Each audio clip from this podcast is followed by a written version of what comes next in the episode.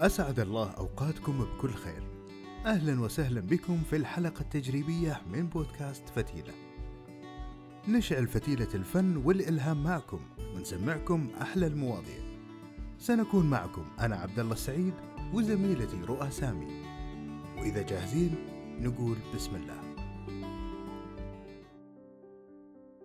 طبعا من أول ما هلت علينا 2020 وإحنا مشغولين بتحديد أهداف للسنة الجديدة.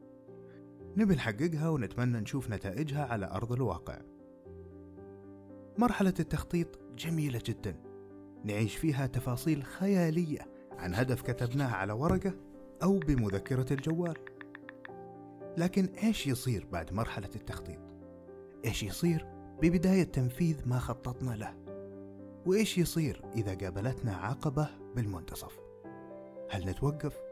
هل نكمل؟ ولا نأجل ونسوف؟ وراء كل إنجاز هناك قصة. بدايتها حماس وشغف ومنتصفها فتور أو كسل. نقطة التحول اللي مر بها الناجح وأصبح عظيما. تختلف عن نقاط التحول اللي مروا بها بقية العظماء. ولكن النهايات تتشابه وهي تحقيق النجاح. خلونا نعرفكم على صديقتنا سارة. سارة عانت لسنوات طويلة من السمنة وصعبت عليها حياتها كثير. كانت تمر بظروف غير لطيفة بشكل متكرر مثل إنها ما تقدر تلبس اللي تحبه أو ما تقدر تاكل اللي نفسها فيه.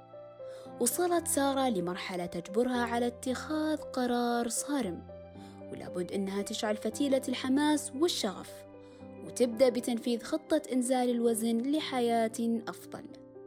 وبدأت رحلة الكفاح. مرت فيها بمراحل فتور عديدة ومراحل استمتاع وتركيز على الهدف. واتبعت سارة نظام غذائي صحي بجانب ممارستها للرياضة وغيرت نمط حياتها إلى نمط صحي تماما. مع مرور الأيام والأسابيع خسرت من الوزن ما يقارب ثلاثة كيلو.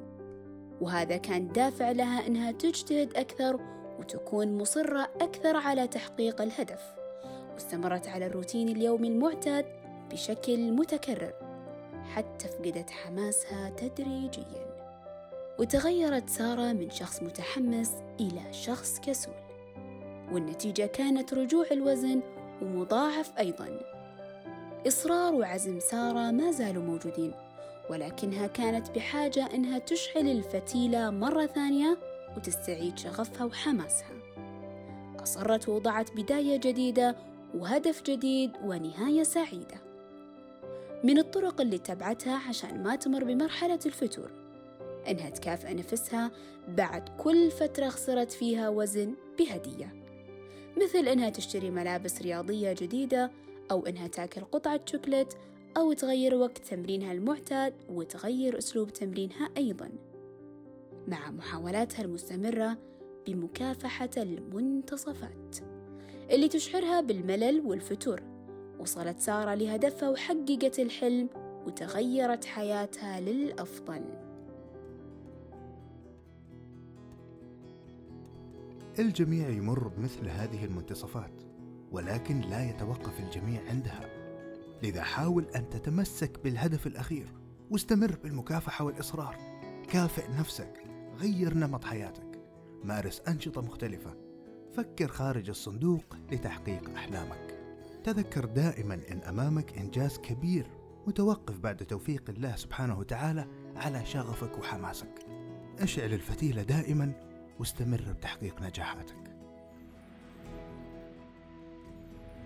أعزائنا أصدقاء فتيلة نشكركم أنكم منحتونا من وقتكم واستمعتوا إلى فتيلتنا. ونتمنى أن الحلقة نالت على إعجابكم ورضاكم. لا تروحون بعيد. جايينكم بفتيلة أخرى تلامس واقعكم وتحدياتكم وحياتكم. فتيلة معكم وبقربكم. كنتم مع بودكاست فتيلة. نلقاكم على خير.